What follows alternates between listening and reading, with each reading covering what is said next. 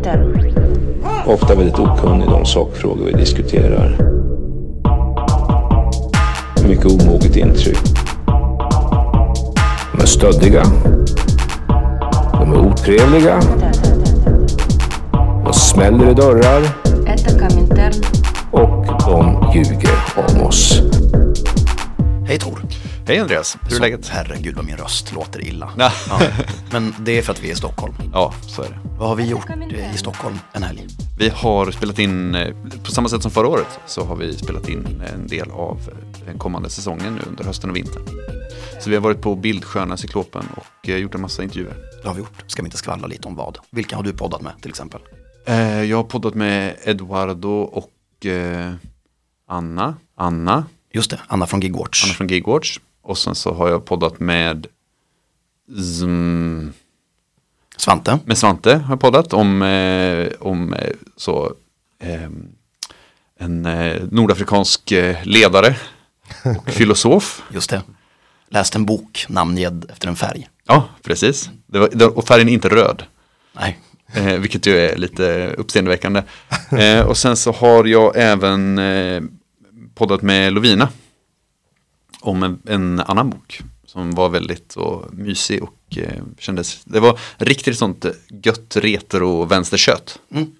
Och sen var ingen av oss med när Gaspar och Ryan pratade med Fanny Åström om psykisk ohälsa. Mm, precis. Vi satt utanför och mös bara. Ja, men det tror jag kommer bli fantastiskt bra. Det tror jag också. Eh, Stockholm är som Stockholm är. Vi var på Cyklopen en hel dag. Sen så gick vi ut. Eh, och nu är inte Ryan eller Gaspar här. Nej, Stockholmsnatten natten tog de. Ja, vi har fått eh, livstecken i alla fall. Det har vi. Ja. Eh, men var är vi någonstans nu? Nu är vi på eh, Studiecyklop, eh, inte alls på Studiecyklop, vi är på Radio Noden. Eh, Noden har jag mest eh, haft, jag har träffat andra som har varit inblandade i Noden lite grann. Men, ehm, eh, men nu är vi här i studion och jag måste säga att det är en, en fantastisk, eh, fantastiskt liksom, eh, ambitiös och avancerad studio. Otroligt proffsigt och snyggt. Mm, är det. verkligen. Och vi sitter här tillsammans med Ayman. Hej hej, Som gör poddpremiär. exakt. Trots ett långt liv i vänstermedia. ja, exakt. Jag har alltid gillat att verka utan att synas. Just det. Men nu håller du på med Radionoden. Ja, exakt. Eh, det är ett projekt som vi drog igång eh, i starten av pandemin. Eh, för vi tänkte att när vi såg att det ena landet efter det andra började stänga ner så tänkte vi att det kommer säkert komma till Sverige och det hade varit jävligt bra att ha en radiostation att nå ut med vår politik via. Lite så här inspirerade från sydeuropeiska kamrater där det är väldigt vanligt med egna radiokanaler. Mm. Jag har ju bara erfarenhet från Grekland. Ehm, och när jag kom dit första gången så var jag så här, okej men ni har, eh, ni sänder alltså radio på riktigt. Det är inte så att ni gör poddar och sänder utan ni gör faktiskt bara sänder ut radio. Eh, och hade lite svårt att förstå hur de fick ihop det. Men, eh, men jag hade en kamrat som var inblandad i Radio Fragmata. Som, eh, som visade hur de gjorde och vart de sände ifrån och hur det funkade. Så det var faktiskt riktigt coolt. Eh, Och sen så träffade jag i samband med ett radiomöte i Berlin Eh, 2018 kanske. Så träffade jag några andra greker och de, de, de hade så skoj, ett skojprogram så de ringde. Det var någon som ringde till ett café i Aten där, där eh, eh, alla poliser, alltså motorcykelpoliser alltid hängde utanför. Eh, och sen så sa han att så här, ja, ja det är jag som är polischef i Aten. Och så lät sig väldigt upprörd bara, ni får sluta, de ska jobba. De ska inte sitta och dricka frappe utanför ert café, bara, ni får inte servera de här längre. Och, så, och de blir feta också när de sitter där och dricker. Eh, och, så, och sen så hade han så skrockat över att nu fick alla poliser bara inte bli serverade av det här kaféet längre. Det tycker jag var roligt. Kul. Men ni fick en idé. Ja. Och det, det händer ju ofta, man sitter runt ett bord med goda kamrater och man har idéer. Exakt. Men vad är noden nu? För det, det här har ju förverkligats. Ja, precis. Alltså, sen eh, så skalades hela projektet upp ganska snabbt. Eh, Vi började med att bygga en studio och köpa utrustning.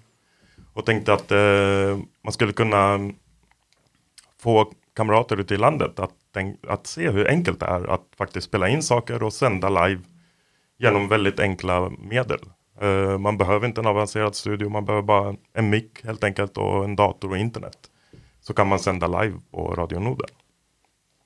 Och eh, så tänkte vi att eh, så som internet ser ut idag så är det ju mer eller mindre monopol från de här stora techbolagen. Liksom. Det är Facebook, det är YouTube, det är Spotify, det är Acast och så vidare och så vidare. Och vi vill liksom frigöra oss från det och tänker att eh, förr eller senare så kommer de här bolagen komma efter oss. Och eh, liksom våra poddar och våra kamrater. Så vi ville skapa ett eh, safe space även för dem. Så vi skapade den här appen som heter Radionoden Där vi samlar alla vänsterpoddar i Sverige. Och kriteriet för att vara med där är att man är partipolitiskt obunden liksom. Men är vänster såklart. Och det började väl med att det var kanske 10-15 poddar som vi listade i appen. Nu är vi uppemot 40-45 poddar. Eh, det är lite mer avancerad app än i början. Så nu kan man, liksom, man kan lyssna på live-radion, man kan följa olika poddar, man kan fortsätta lyssna där man slutade lyssna och så vidare. Så det, är, det är ett kontinuerligt arbete som alltid kommer pågå. En app är alltid en färskvara och det måste vara up to date med senaste tekniken. Och sånt där. Och allting görs ju ideellt. Så att eh, det tar ju längre tid att komma med nya uppdateringar än när det sitter avlönade människor som jobbar med appar. Liksom. Uh, och det, ja, sen uh, tänkte vi att vi måste göra någonting mer än radio. Och uh, den nya unga generationen människor, de är ju väldigt mycket på det rörliga videomediet. Liksom. TikTok och Twitch och allt möjligt där de sitter och spelar och liksom, eh, småbarnen sitter och tittar på YouTube och kollar hur olika människor sitter och spelar tv-spel. Liksom. det är det stora nöjet för väldigt många barn just nu. Så vi tänkte, vi kan ju inte vara sämre än så. Och eh, började bygga en tv-studio. Och där är meningen att man ska kunna spela in eh, allt ifrån små debatter och diskussionspaneler eller, eller andra politiska tv-program som man nu kommer på. Eh, eller skulle vilja förverkliga. Så vi ville skapa resurserna för det, eller tillhandahålla resurserna. Och började bygga på det helt enkelt. Och det är snart färdigt. Eh, och vi ser väldigt mycket fram emot det. Och det är där appen kommer hamna sen också. Där vi kommer kunna sända tv även i appen. Det blir lite mycket på en gång här. Nej men otroligt fett. ja. Vi har varit och tjuvkikat lite på den kommande tv-studion också och jag är mycket imponerad. Jag också. Jag blir alltid imponerad av sådana här eh, feta liksom, infrastrukturprojekt. Jag tycker att det är fantastiskt. Och jag blir alltid imponerad av eh, teknik. Eftersom att jag egentligen inte kan så mycket om det. Nej, och doers också. Doers är jag alltid imponerad av oavsett. Det ja. tycker jag är, är ja, men det, är, det är så fantastiskt. För jag tycker att, alltså så här, jag har varit organiserad i den autonoma vänstern i ganska många år. Inte så många år som du, men ändå en, en drös år liksom. Får man låta gammal nu. Alltså. Ja, men jag är, jag är lastgammal. så det, men jag har varit med liksom sedan början på 2000-talet, ska man kunna säga. Eh, och eh, då var ju folk väldigt unga liksom. De som jag organiserade med när jag var 16-17 år, liksom, de var ju ganska, det var unga punkare liksom och hardcore kids typ. Eh, det fanns liksom, det fanns väldigt lite utbildning, formell utbildning. Det fanns ganska lite så här, folk jobbade kanske med typ, man jobbade på ålderdomshem eller personlig assistent eller städade eller sådana saker liksom. Så att, eh, så att folk var liksom inte utbildade, folk hade ganska lite resurser. Um, och nu när vi alla, eller många av oss har blivit äldre liksom. Nu börjar vi få liksom formell, formell utbildning, ordentlig erfarenhet, vi börjar kunna saker, vi har mycket mer resurser. Och det här tycker jag är, är jävligt gött. Jag minns när det var eh, 30 november i 2017 i Göteborg och det var NMR-demo.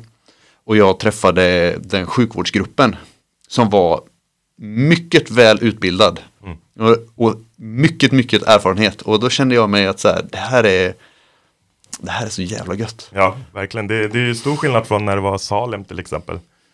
Eh, folk gjorde ju sitt bästa såklart. Eh, utifrån de eh, möjligheterna man hade. Men eh, sjukvårdsgruppen där var ju liksom, de var ju inte utbildade sjukvårdare. Utan de hade kanske gått någon hjärt och lungräddning och första hjälpen liksom. Men eh, jag tror att många av de som var sjukgruppen då är den här eh, fantastiska sjukgruppen som är välutbildad nu. Mm, alltså det här garanterat. och det gäller ju för andra, det gäller för andra områden också. Att så här, men folk är snickare nu och folk är målare och elektriker. Och liksom, det finns så jävla mycket kunskap och erfarenhet att dra av. Och det här är någonting som jag alltid upplevt har funnits liksom i, om man har varit i Holland eller Tyskland, liksom en så aktiv gammal skotterscen typ. Eh, att helt plötsligt så, eh, man bara, men varför, hur kan ni göra allt det här? Bara, Nej men vadå, det, vi jobbar, det här jobbar jag med. Eh, och när jag var yngre så hade jag så svårt att förstå det, men nu när jag är äldre så tycker jag att det är mycket, liksom, ja, men det är mycket enklare att förstå och Sverige börjar äntligen liksom komma ikapp den här, eh, eh, den här liksom, eh, kunskapsbasen som liksom jag upplevt har funnits i Europa i många, många år. Liksom. Mm. Ja, ja, det är ju bra att folk, att, väl, att vi har en rörelse där det i alla fall på något sätt går att åldras på ett värdigt sätt. Liksom. Sen behöver vi ha återväxt också. Men jag tyckte, Raymond, du pratade lite om Italien förut. Har du Ja. lust att säga det igen? Tyckte det var intressant. Skillnaden på den italienska utomparlamentariska rörelsen. Att den är större och att det finns Ja. ett större åldersspann. man Exakt, alltså eh, jag har ju varit mycket i Italien. Eh, Jag har bott i Italien. eh, Pluggat i Italien och träffat jättemycket kamrater där.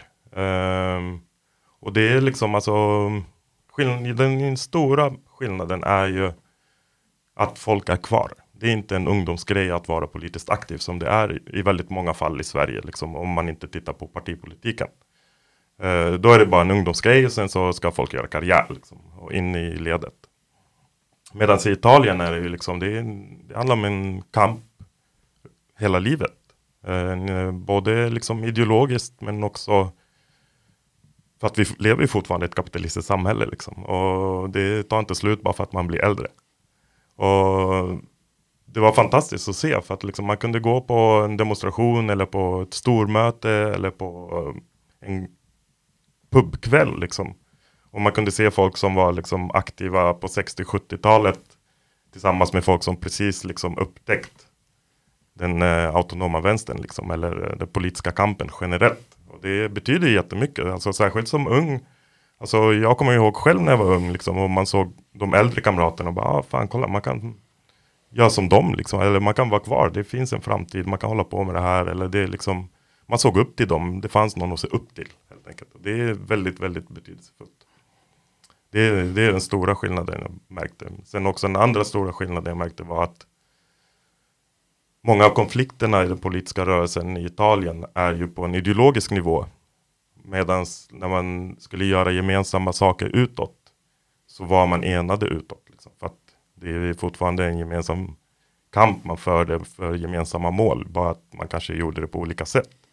Och där var ju ändå trots allt ibland till och med allt ifrån Socialdemokraterna där nere till den allra mest kaotiska narkokonstellationen gick i samma demonstration. Det skulle aldrig ske här på första maj. Liksom. Men det var som, när eh, Irakkriget började Mm. så hade vi, då var det ju jättemycket antikrigsdemonstrationer och då var, de var ju väldigt breda liksom. Mm. Eh, men det, var, det fanns ju alltid en, liksom en, en, jag minns i Linköping så var några vänsterpartister var så jävla arga på oss för att vi gick och var maskerade och hade liksom våra rödsvarta fanor typ. Så de försökte skapa liksom en, ett det var samma demo, men de försökte skapa ett så pass stort utrymme liksom mellan oss och dem. Mm. Så att det skulle se ut som att det var två typ. ja, Det var så bara löjligt ut. ja. Och vi såg ju såklart coolast ut. Ja. ja, nej men så, så var det ju. Alltså, så har det varit även här i Stockholm. När det varit liksom eh, torgmöten och så här då. Liksom autonoma vänstern på, var på ena sidan av torget och sen så var liksom eh, partisterna på andra sidan. Fast vi alla deltog i samma planeringsmöten tidigare. Liksom, och var medlemmar i nätverket mot rasism och så här. Och planerade saker ihop och sen så när det var dags så bara, ja. Ja, nej. Det, Jag har gått i ett så kallat revolutionärt block ett Pride-tåg en gång. Ja. Och då var vi också delaktiga i planeringen hela vägen. Och sen när det var dags och vi fick eh, listan på blockordningen så vi sa, men vänta, har ni hackat upp eh, Pride-polisen i två block så att de går både framför och bakom oss? Varför ska de, det är jättekonstigt. Så kan det gå. ja, jag tror jag kommer ihåg det där året. Var det här i Stockholm eller? Nej, det var det faktiskt inte. Nej. Ja. Det, var, det, det, var, det fanns ett liknande år här i Stockholm. Ja, det kan jag tänka mig. Polisen råkade gå framför det revolutionära blocket. Men du, förutom Norden, har du hållit på med några medieprojekt tidigare? Ja då. Eh, om man ska ta det lite halvkronologiskt bakåt i tiden. Så innan Norden så drog vi igång eh, Konkret Media. Eh, som- Riktigt fett projekt, Ja. jag säga. Och det togs ju liksom vidare av eh, andra kamrater och aktivister som eh, utvecklade det och gjorde jävligt bra korta dokumentärer och fick, funkade väldigt, väldigt bra liksom. Eh, vi skapade plattformen och sen så gjorde liksom de andra kamraterna innehållet. Mm. Så som det ska vara. Ja, verkligen. Eh, vi har olika kunskaper eh, och de utnyttjas väldigt bra på det sättet. Liksom. Eh, steppar man tillbaka lite till så höll jag ju på lite med, eller en del med motkraft. Som också var en resurs för den autonoma rörelsen. Det var ju ingenting som var liksom att vi hade en redaktion där man satt och skrev och bestämde vad som skulle stå. Utan kamrater, organisationer, grupper skickade in liksom pressmeddelanden, eh, aktionsrapporter, liknande som publicerades där. Också alltså en plattform så, och en resurs för liksom, rörelse. Det var när jag växte upp så var det verkligen hjärtat. Eller det var motkraft var det som fanns och som var störst och bäst. Mm, verkligen. Och om jag får säga någonting som är sorgligt så är det att Motkrafts textarkiv har gått i graven Ja. med hemsidan. För att det var också en, ja men där, där finns det historia. Mm. Jag Verkligen. Tror jag hittade ett tryckt motkraft. Jag tror att det var motkraft. Eh, Ett så tryckt blad. För när jag gick igenom, när jag skulle flytta så gick jag igenom, för nå- någon gång så skulle jag, gick jag igenom mina gamla lådor. Och då hittade jag ett sånt A4-ark typ med bara så här motkraft och sen så, så här auktionskalendarium typ. Från 2003 eller 2002. eller något. Ja, och när jag ett par år senare gjorde mina första resor till Salem till exempel, då var det ju på Motkraft jag fick informationen om vart jag skulle, när det fanns live-uppdateringar ibland. Ja. Ja, vi faktiskt var först i Sverige med live-tickers. Innan eh, kommersiella medier började anamma det. Så det tar vi faktiskt åt oss, den äran. Eh, vi var först med det, live-rapporterade från Salem. Minut för minut, liksom. Innan Twitter fanns, innan någonting fanns. Det är också, alltså på tal om det, Twitter är ju, eller konceptet Twitter är ju ett, så, eh, ett gammalt eh, organiseringsverktyg från eh, något eh, republikanskt konvent i Miami tror jag, för några år sedan. Så eh, var det anarkister som satte ihop ett, eh, en så, ja men motsvarande, det hette något annat då, jag minns inte vad, men det, vad som sen blev Twitter liksom. Ja, alltså det är mycket från autonoma vänstern som nu är internet. Mm, verkligen. Alltså hela torrent, alltså torrent-systemet och teknologin liksom används ju nu av internet. Det är så internet funkar liksom. Och, eh, och det var ju faktiskt autonoma vänstern som drog igång efter liksom söndagspubbarna på Café 44 där var ur liksom piratbyrån kom. Och som var en jättestark faktor i början på 2000-talet när det kom till immateriell rätt och diskussioner kring det. Inte bara när det kom till musik och tv utan även liksom medicin och läromedel och liknande. Mm. Det var också vi som drog igång liksom, den autonoma vänstern. Och det, ur det kom ju sen The Pirate Bay. Där det var liksom mer teknikintresserade människor som eh, engagerade sig i det. Och ja, men kom på torrenttekniken. Liksom. Det, det kommer också, det är tack vare den autonoma vänsterns eh, organisering. Vad man ska säga. En liten passus är Tor, har du hört eller sett att det är någon som har börjat fildela våra Patreon-avsnitt? Eh, ja, jag har sett det. Jag är för. Jag är också jätte, jätte för, men vi, vi har också konstaterat att vi var för försiktiga med att vara för. Ja, Så att de inte känner att det inte är coolt längre. precis. Ja, det är precis. fett ju. Det är poddar för alles. Alltså.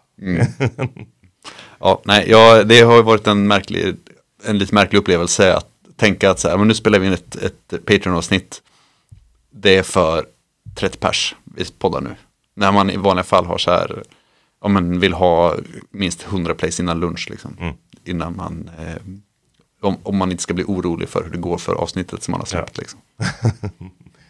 Nej, det, är, det är ju roligare ju fler som lyssnar som det delas och gillar pirater. Ja, så är det verkligen. Jag känner min röst håller på att brista, jag måste ta lite mer kaffe.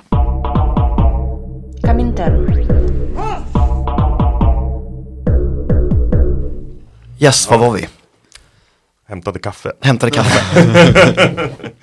Eh, vi, var, vi var vid pirater och piratdelning och infrastrukturer och vad autonoma vänstern faktiskt har bidragit med. I, Men det tycker jag är intressant i, alltså så här, då var ju Pirate Bay det som, alla använde det. Ja. Det var, det var liksom, det var någonting som, som alla, alla använde. Mm. Och det var ju jätte, alltså så här, repression riktat mot jättemycket liksom. Mm. Det var ju verkligen ett huvudbry för den delen av kapitalet liksom. Mm. Eh, och det, jag tycker att det är så himla intressant att så här, när vi kan, när vi kan tillhandahålla, det hade varit roligt om det var mer, jag hade gärna sett lite mer ideologi insprängt i det.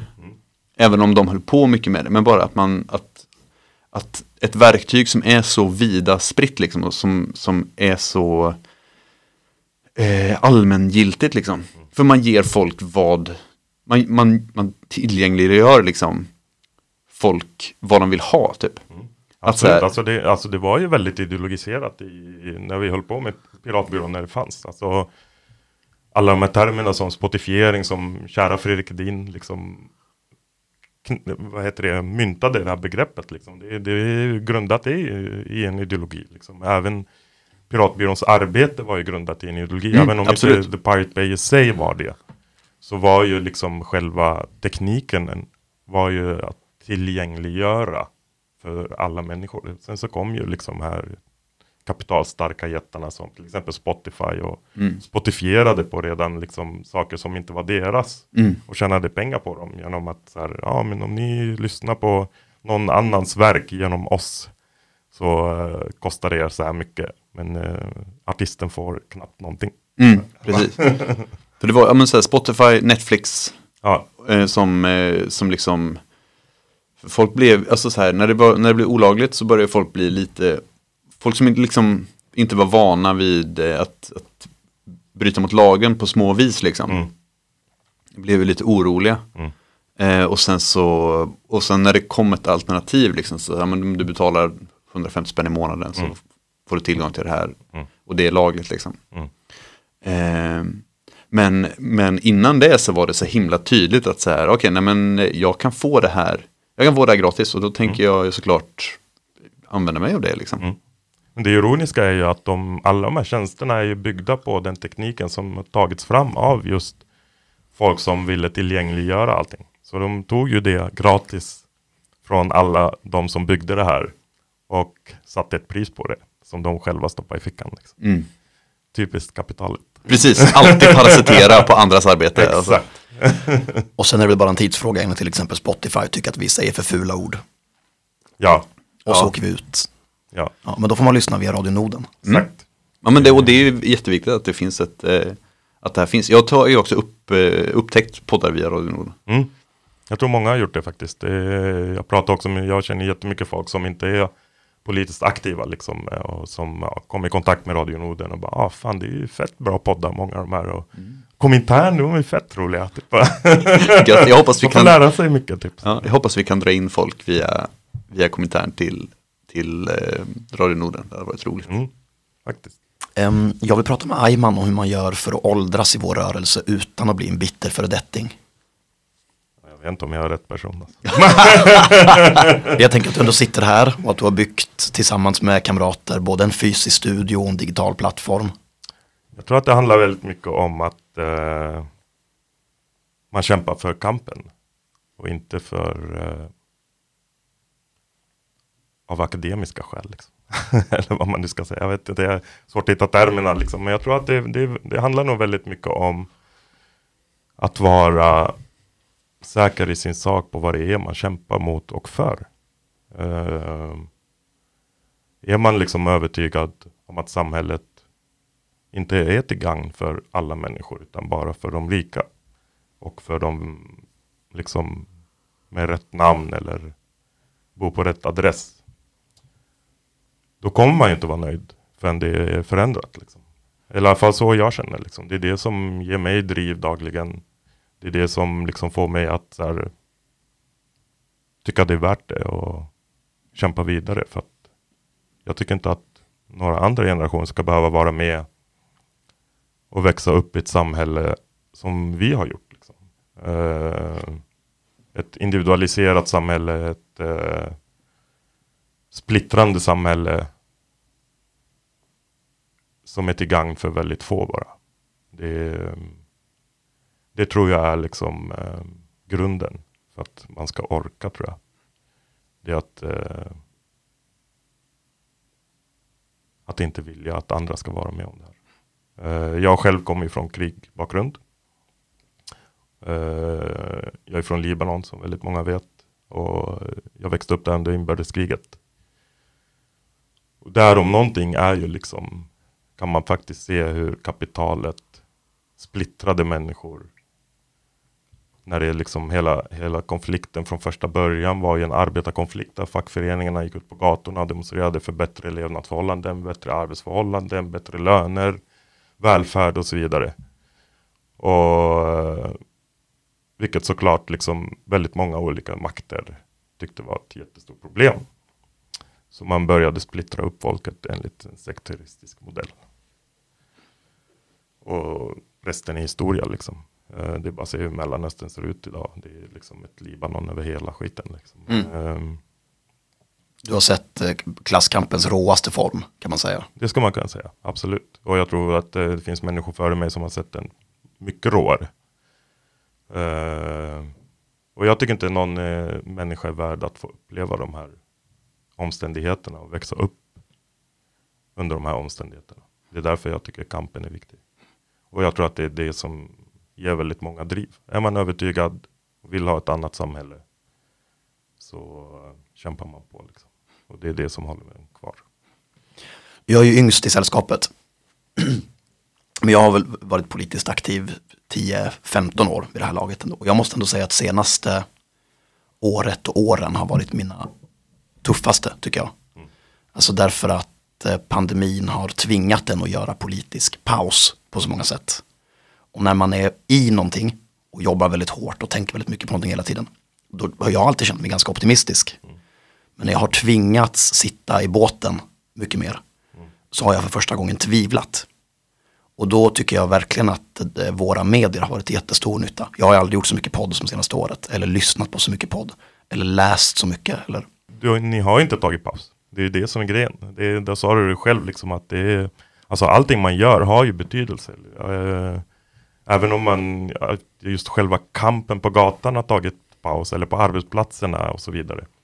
Så har ju inte kampen i sig tagit paus. Ni har ju proddat väldigt mycket poddar. Massa människor som kanske inte hade kommit i kontakt med den autonoma vänstern har kommit i kontakt med dem tack vare det ni har gjort under pandemin till exempel. Spela in poddar och så vidare. Så att eh, allt det är en del av kampen. Liksom. Det är, Mm. Och håller man på att glömma vad som är viktigt då ska man inte underskatta och sitta en timme med goda kamrater runt ett bord och prata politik. Ja, nej, herregud nej. Eh, jag, har ju, jag har ju lyssnat på extrema mängder podd. Eh, på lite olika sätt. När vi höll på med att bilda kedjor så var det ju, höll vi på med, då lyssnade jag ganska mycket på podd.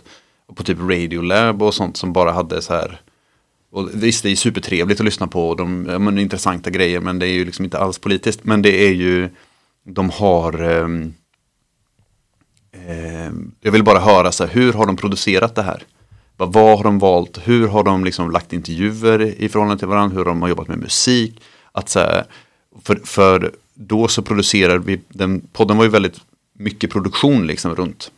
Ehm, och eh, och, så då så var jag helt inne på det här. Så bara, hur, hur gör man produktion? Så här, hur, hur gör man det här liksom på, ett, på ett fett sätt? Sen var det ju väldigt, väldigt mycket jobb. Jag hade behövt vara många, jag hade kanske behövt vara fem pers till för att liksom lösa det långsiktigt. Men det är ju, jag ska säga, det är absolut görbart liksom. Att klippa ljud är ju väldigt, väldigt tacksamt jämfört med att klippa bild. Ja. Man måste liksom ha ett, ett lager till att förhålla sig till. Liksom. Och klippa ljud kan man ju bara säga, jag vill inte ha den här biten. För det tycker jag inte passar. Så då så kan man bara klippa bort det. Liksom.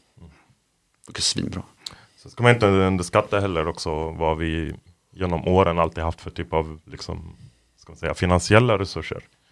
De har ju, inte, de har ju varit icke-existerande. Verkligen alltså. Vi har inga stora bidragsgivare, vi har inga liksom, eh, rika människor som stödjer den kommunistiska kampen direkt.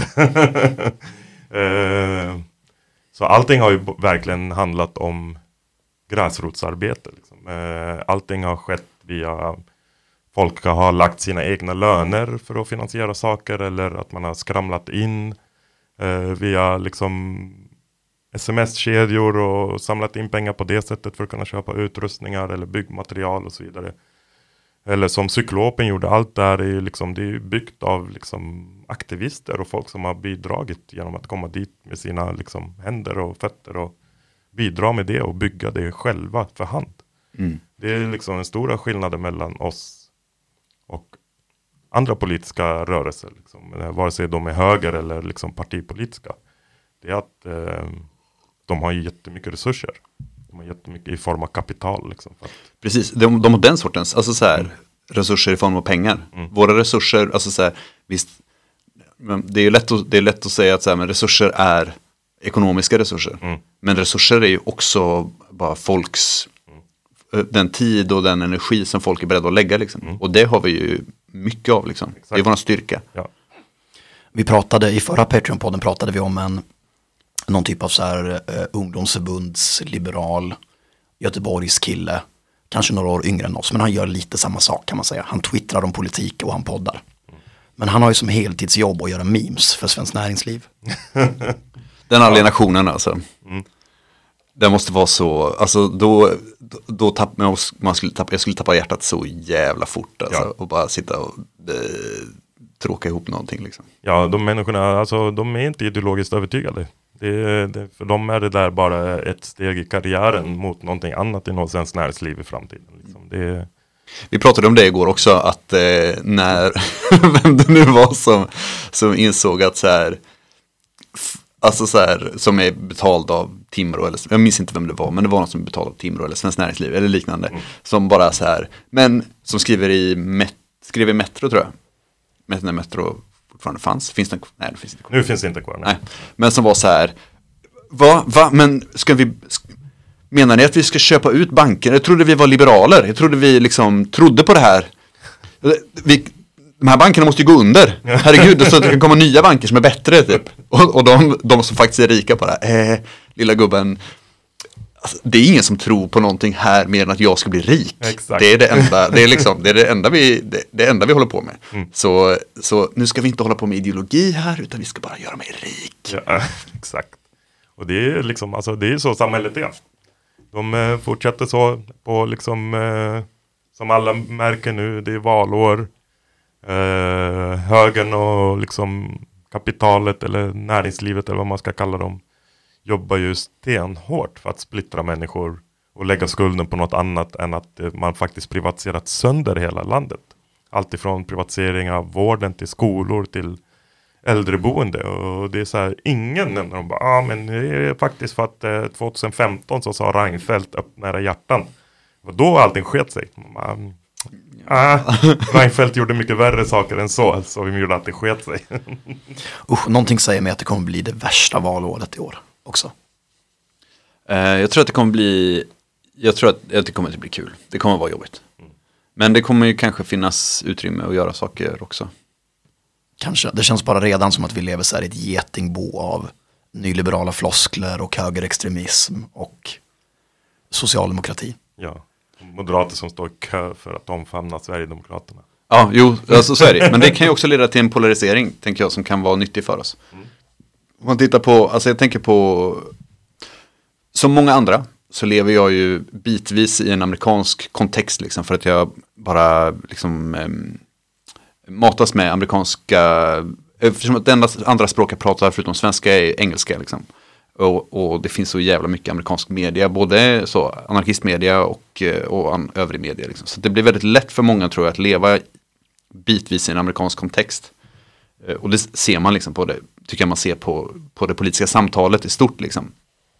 Att så här, amerikanska förutsättningar på något sätt spiller över in i svenska förutsättningar som inte alls är samma.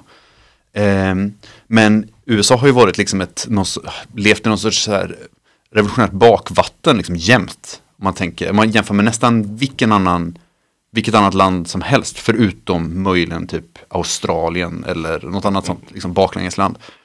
Ehm, och sen så helt plötsligt så bara, eller det känns som att det bara från ingenstans bara smäller till och sen så är det alltså mer eller mindre en revolutionär situation i USA hela förra sommaren. Eh, bara för att det var så otroligt polariserat. Och jag tror att den här polariseringen, även om den kommer att vara väldigt jobbig för oss, så tror jag också att den kan vara nyttig och dra in mycket folk i, i vår rörelse. Eller det är i alla fall min förhoppning. Och jag, vill, eh, jag är ändå fortsatt ganska optimistisk liksom, i, i, i, i det långa, långa loppet. Liksom. Ja, hoppas du har rätt. Men apropå hårt jobb och mycket pengar. Det måste Norden kräva också va? Hårt jobb ja, ja verkligen. Eh, pengar kräver det också, absolut. Det är bara att eh, med tanke på hur pengarna kommer genom att det är liksom eh, kamrater, aktivister och som skänker för sina egna fickor så får man ju ta det pö om pö liksom. Det är inga stora summor pengar som kommer in i klump utan det är, tar man det månad för månad eller varannan månad liksom när man har fått skrapat ihop lite och sen så investerar man i någonting nytt som behövs till bygget och så här. Men det mesta arbetet har ju handlat om det fysiska arbetet med att bygga de här studierna. Och vi har ju snickrat upp det från grunden liksom. Helt enkelt. Eh, Det har ni med den äran också ska jag säga. Ja, verkligen. Alltså. Riktigt, riktigt snyggt. tack. Nej, men äran faktiskt eh, hos oss att ni är här. Ni är kända från appen. Ja, nej, äran är helt, helt och hållet på vår sida. Alltså. Trodde du någonsin Tor att du skulle vara stor i en app? Nej, det trodde jag aldrig. Nej. Men eh, jag lär mig leva med det nu. Ja, det får du göra. Men vi- jag tror att när det här avsnittet släpps, då Ja. finns det någon slags stödfunktion va? Ja, eh, vi har faktiskt eh, satt upp ett eh, månadsprenumeranttjänst. Så att om man går in på radionoden.se så kan man följa på sajten, eh, välja den summa man vill bidra med varje månad och sen så följer man instruktionerna och mm, klicka på pay. Det ska jag göra. Det kan man verkligen göra om man tycker att det är bra att vi äger våra egna medieplattformar. Ja, och sen så kommer det även en, eh, en webbshop med lite merch som också är för eh, stödsyfte. Liksom. Det kommer vara vintermössor och t-shirts och hoodies och sånt. Valårets stora modemåste. Exakt. Jajamän. Jag är i behov av en mössa nu så kan jag, folk tror att jag har en sån eh, New Black-mössa när det är noden n istället. Det kommer bli, kommer bli fett. Faktiskt. Mycket fetare än New Black. Comintern. Jag är intresserad av att prata lite om att bo, eh, om vi alltså så här, riktar sig till folk som är lite yngre än oss, om att, eh, att eh, bo eller verka utomlands och vad man kan få för erfarenheter. Ja, alltså alla som har den möjligheten med hjälp av eh, CSN-lån. Eh, det måste ju betalas tillbaka liksom. Så, att det, så då tycker jag man ska göra det. Mm. Om man kan det. Och eh, vara där ett halvår, ett år, tre år eller liksom lära känna människor, se hur de kämpar. Alltså Sydeuropa har ju en historia av kamp som inte finns i Sverige, eller resten av Europa för den delen. Liksom. Mm. Eh, Allt ifrån eh, folk som fortfarande minns krigen liksom, till folk som minns kampen mot Franco eller grekiska fascister och så vidare. Liksom. Eh, ta inspiration, det är det som gör att man kan utvecklas som rörelse för att man är inte stark ensam. Nej, Det gäller inte bara som individer utan även som rörelse. Eh, man är ingenting om man bara är protektionistisk och, eller vad man nu ska kalla det och bara verkar inom sitt eget land. Utan kampen är ju internationell. Kapitalet är globalt och internationellt. Det måste vi också vara. Mm. Jag, är- ja, nu har jag mest, I Europa har jag mest varit i Grekland. Mm. Eh, och ehm, då var det någon kamrat som sa att så här, ja, men, i Grekland så besegrades, alltså så här, i, i nordvästeuropa liksom så har, så har man ju så länge sagt att så här, men fascismen besegrades 1945 och det var slutet på det liksom. Och sen så, och då kan vi gå vidare liksom. Eh, men i Sydeuropa, Grekland och Italien så har ju aldrig fascismen blivit besegrad på det sättet liksom. Och då har ju aldrig, så fascismen har liksom, det har aldrig slutat vara modernt att vara fascist typ. Och då har aldrig antifascismen tagit någon paus heller. Nej. Så att den eh, historien finns ju liksom på ett helt annat, eh, eller den kontinuiteten liksom. Det var inte så att så här, unga punkare 92 liksom behövde, eller slutet på 80-talet behövde liksom börja, börja slåss med fascister igen liksom. Utan det är ju någonting som hade, som pågått liksom hela, hela vägen. Ehm, och sen vill jag ju alltid slå ett slag för, eh, för eh, ett, ett, någonting som är lite frowned upon. Ehm, och det är kravallturismen. För jag skulle vilja säga så här att så här, visst man kan åka och hålla på och stöka utomlands liksom och, och det kanske inte alltid är så himla men man lär sig också väldigt, man kan lära sig väldigt, väldigt mycket av hur andra människor liksom organiserar sitt motstånd. Att, här, att åka till Tyskland och gå på demonstrationer, då lär man sig liksom så här, men hur gör de här? Att åka till Grekland och gå på demonstrationer, så, okay, men hur gör de här? Och sen får man försöka översätta det till sin egen liksom, politiska miljö och sin egen politiska kontext. Eh, för vissa saker som man gör i Grekland kommer man liksom inte undan med. Det är liksom inte strategiskt eller taktiskt liksom smart att, att eh, ta ett område och sen så ha så här skitfeta kravaller varje år typ i det området. Men man kan ändå lära sig mycket liksom, av hur olika människor gör, eller hur kamrater liksom, gör utomlands. Jag tycker att det är att, att resa för att liksom, göra sådana saker tycker jag både är roligt och väldigt lärorikt. Liksom. Dessutom är det sociala tillställningar, det ska man inte underskatta. Nej, nej, nej. Ja, alltså man, eh, det är ju jätteviktigt att känna att man är en del av samma internationella rörelse liksom, och den kontinuiteten det betyder. Eller det innebär. Och, eh, det är ju viktigt att lära av dem och veta att okay, men våra, våran kamp här i Sverige är ju inte en eh, liksom, separat kamp. Utan det är en del av samma kamp. Och, mm, man hängde ju Mussolini i Italien liksom upp och ner. Och det kan man ta inspiration av. Det kan man absolut göra. Och repressionen är ju också internationell. Alltså de nordiska polismyndigheterna arbetar ju tillsammans mot oss. Ja, ja verkligen. Och eh, även eh, att, eh, att ha liksom, alltså de vill ju motarbeta att man, repressionen vill ju motarbeta att ha internationella kontakter. Det är liksom ett, ett kriterium för att bli, att bli en intressant person liksom. Att, att ha de här, eh, att ha kontakter utomlands, att ha internationella eh, liksom, kontakter. Och man kan även liksom, eh, vissa saker, man kan, jag har ju inspirerats väldigt mycket av ehm, eh, Gabriel Kuhns bok eh, Rom för revolutionen.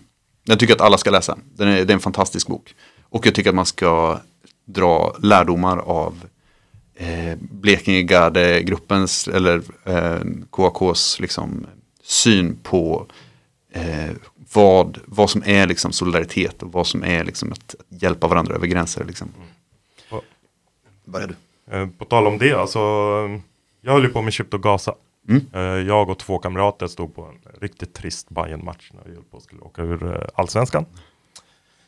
Det var en väldigt mörk period i Hammarbys historia. Hur som helst, vi stod där och det bombades för fullt i Gaza. Vilket år var det här? Vilken, eh, det, har ju, det har ju varit liksom eh, mer eller mindre en, en liksom, Det har bombats friskt. det har det gjort. Under, Jag tror att det var runt 2006 där. Mm. Någon gång. 2005, 2006. Jag är nästan säker att det var 2006. Jag är jättedålig på Okej, siffror och år på det sättet. Mm. Men hur som helst, det var då någon gång. Eh, alla kanske minns de här fosforbomberna över skolorna, liksom. det var det året mm, eh, så vi tänkte, fan vi måste göra någonting. Och så sa jag till de här två kamraterna som är äldre än mig, jag sa, men ni höll ju på med Kypto Bosnia. När det var kriget i Jugoslavien. Kan vi inte göra någonting liknande? Och så gjorde vi det. Eh, och det som vi gjorde rätt där, de första åren, det var ju liksom att vi byggde upp det nerifrån upp. Det var liksom eh, en gräsrotsorganisation.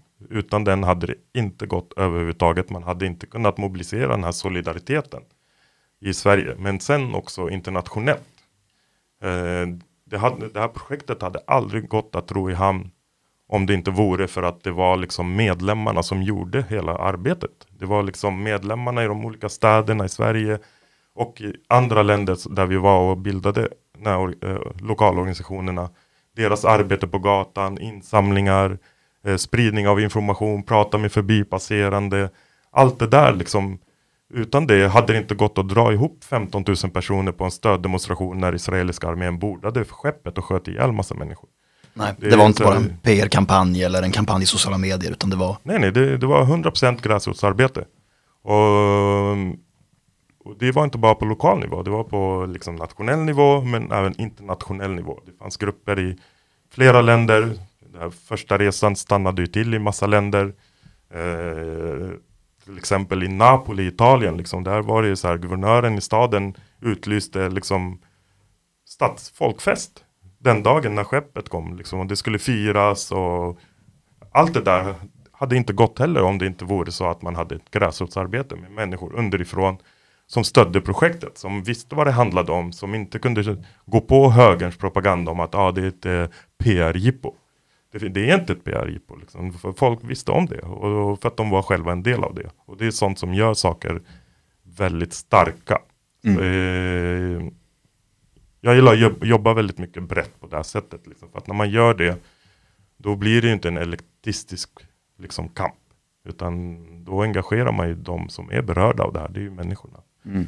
Kamp, äh, liksom, kraften, kommer, kraften kommer underifrån. Ja, Och liksom på något sätt så kommer häg, alltså så här, det som kan komma uppifrån det är hägringar och, och liksom skuggspel typ. ja. Man- och man- det var ju det som hände med till slut. Eh, några gamla maoister som eh, liksom eh, mer eller mindre kuppade föreningen, eh, klippte alla band till gräsrotsrörelsen. Eh, och då dog det ut liksom. Mm. Eh, det är ingen som har hört någonting, knappt någonting om projektet längre. Även fast det fortgår. Man gör lite små saker, man gör lite olika resor och så här. Men det belyses inte. Men det är inte för att media inte är intresserade. Det är för att det finns ju ingen gräsrot kvar. Som arbetar med det, som kan prata om det. Och då kommer det inte upp på samma sätt. Och det är inte lika starkt då. Mm. Ja, jag vet inte om, man, om det blir liksom att eh, man har lärt sig om hur man ska arbeta med maoister. Eller om det. Jag skulle säga det, det finns ehm, positiva och negativa saker som maoister har ställt till med. Verkligen. Jag vill säga apropå resor också att man ska sprida ut dem lite. Man får göra varannan behaglig och varannan obehaglig. Mm. Så att man kan absolut åka ner till ett socialt center i Neapel till exempel och äta god mat och hänga med trevliga människor. Mm. Men då måste man nästa år åka till Helsingfors på självständighetsmarschen och stå och frysa i december med hundratusen finska skinnskallar. Ja. Och för att inte förglömma heller även de kamrater som faktiskt åker ner och strider i Syrien och Mm. mot eh, liksom den grovt militariserade fascismen där nere. Liksom.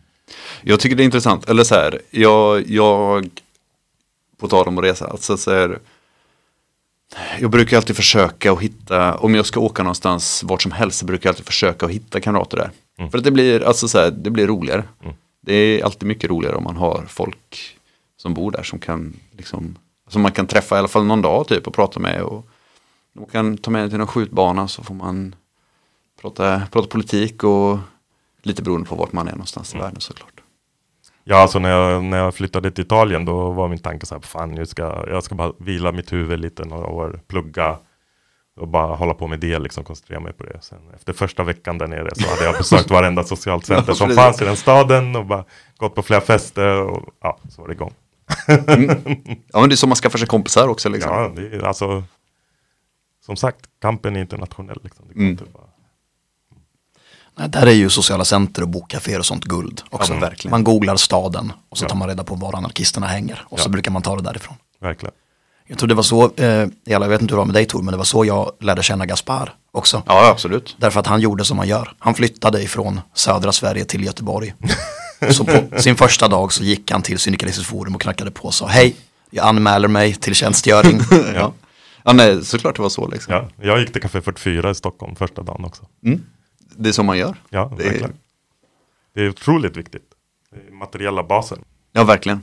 Verkligen på tal om, nu får vi ihop det här, det här, den här knuten på det här, det här samtalet liksom. Att, så här, att ha faktiska fysiska platser att vara på, mötas på och kunna göra saker på. Liksom, och träffa nya kamrater och liksom ha de här de nya samtalen och, och de gamla samtalen. Liksom, Mm. Fast på nya sätt och liksom, med, med ny energi. Liksom. De här alltså, platserna att träffas på är otroligt viktiga. Liksom. Mm. ja, och då, de, man ska inte ta dem för givet heller. Nej, Jag kan inte 44ans historia så väl, men i Göteborg med Forum till exempel. Det är ju generation efter generation som har jobbat ideellt sedan 1980. Det är ingenting som bara finns. nej, nej. Nej, absolut. Ja, men det, är, ju- det är ju samma sak med Café 44. Jag var med och drev kaféet eh, första fem åren, 2000-talet. Ehm, och det är ju tack vare att det finns som allting som kom ur i Stockholm liksom politiskt. Det var tack vare det. Alltså alla möten som skedde där. Varje söndag var tradition. Det var folkkäk. Det var föreläsningar på dagarna. Tidigare på dagarna var det studiecirklar som man kunde delta i. Min första markcirkel var där med Fredrik Edin som handledare eh, på gården på 44 liksom. Och sen så hängde man tillsammans på kvällen och tog några öl och käkade folkgryta liksom. Och kom det ur massa idéer. Allt från Stockholms autonoma marxister till liksom eh, ja, men Piratbyrån och 44.com och liksom, eh, jag vet inte om någon av er kommer ihåg den sajten.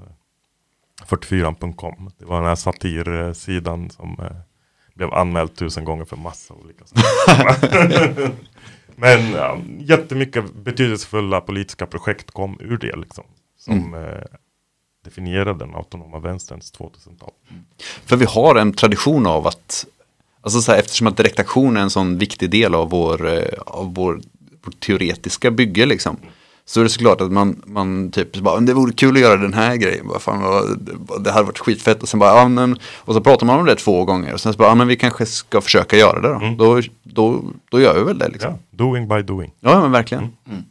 Och där tänker jag att, eh, att de olika åldersgrupperna också har ansvar. Alltså att när jag kom till Forum och var 19 till exempel så tycker jag absolut att så här, det var allas ansvar att driva en icke subkulturell och trevlig och välkomnande mötesplats. Men är det 19-åringarnas ansvar att driva en mötesplats eh, för föräldrar till exempel? Eller för personer som är över 40? Jag är inte helt säker på det. Utan det är nog någonting som man får göra, inte själv, men som vi måste göra tillsammans. Förstår ni vad jag menar? Verkligen. Ja. Men i Forums fall så var det ju folk som var, alltså så här, de äldsta som var där och jobbade var ju över 40 liksom och de yngsta var typ 15, 16. Så att när man kan få hela den här, man har en plats för generationerna att mötas, liksom, det, det finns ju en otrolig styrka i det. Liksom. ja, man slipper ju uppfinna hjulet gång på gång. Liksom. Mm. Och ibland så kan man uppfinna någonting gammalt med nya, på ett nytt sätt, liksom, så, att man, så att det faktiskt fungerar den här gången. Liksom. Verkligen.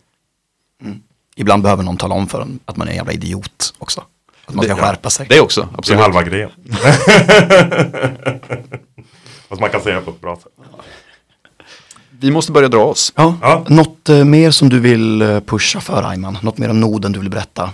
Ehm, inget som jag, inte, som jag kommer på just nu. Liksom. Jag tror att eh, vi har fått med ganska mycket. Uh, ladda ner appen för er som inte har den. Väldigt viktigt. Det kommer hända mycket i den framöver. Mycket information kommer komma därifrån. Och stöd oss gärna. Mm. Vi behöver all hjälp. Det tycker jag. Superkul att vi fick eh, komma hit. Ja, jätteroligt. Ja, som verkligen sagt, det är jätteroligt. verkligen äran på vår sida att ni är här. Det är Kominternpodden för fan. Har vi något vi ska plugga, Tor? Nej, ni ger oss ju redan pengar så att det är... Ja, precis. ja, nej, men eh, interagera med oss. Det tycker vi är roligt. Mm. Var rädda om er. Ja. Och starta nya projekt för det är kul. Och nyttigt och väldigt bra. Verkligen. Ciao! Tja! Öde låg landet, landet av stenar Landet av granar, av renlav och häll. Och jorden gav liv åt maskar och örnar Lämlar och vargar bland snöklädda fjäll men så en morgon steg dina fötter stora och tunga på otrampad mark. Och landet det grep dig med hungriga armar och kämpade mot dig på liv och på död men människans styrka den skulle segra fast klipphällen färgades röd.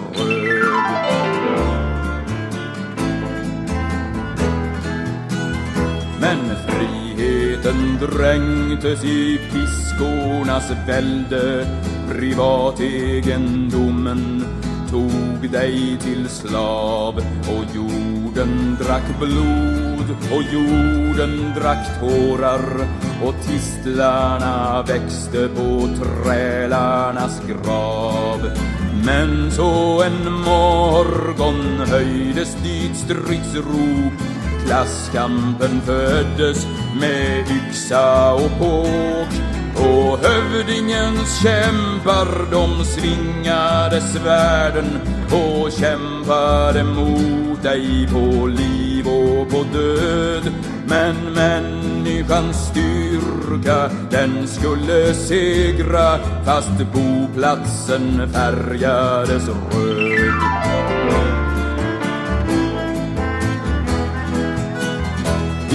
I pesthärjat land du dikade kärren och marken gav gröda till tack för din svett. Men jorden beslagtog så snart fick du plöja blott för att göda en rikemans ett. Men så en morgon stod du vid du att kämpa för åkrar och bröd. Och godsherrens knektar de höjde gevären och kämpade mot dig på liv och på död.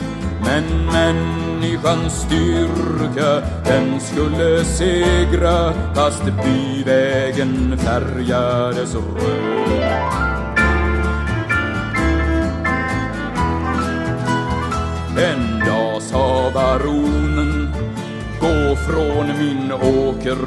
Ditt arbete gör mig ej tillräckligt rik. Och hungrig och frusen kom du till staden Där du fick jobb på närmsta fabrik. Men så en morgon slocknade eldarna. Nävarna höjdes och du gick i strejk. Och borgarnas knektar med piskor och sablar De kämpade mot dig på liv och på död. Men människans styrka den skulle segra och fanan den färgades röd.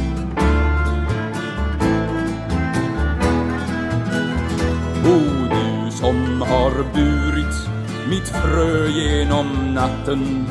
Var det blott för att få se mig ge upp? Nej, jag svär vid ditt namn att det var ej. Förgäves Du bar dessa plågor och bar detta hopp. Ty kanske i morgon står vi som bröder när arbetarklassen gör revolution.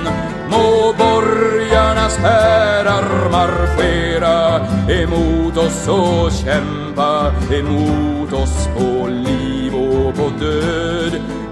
Människans styrka ska än en gång segra fast gatstenen ska färgas röd.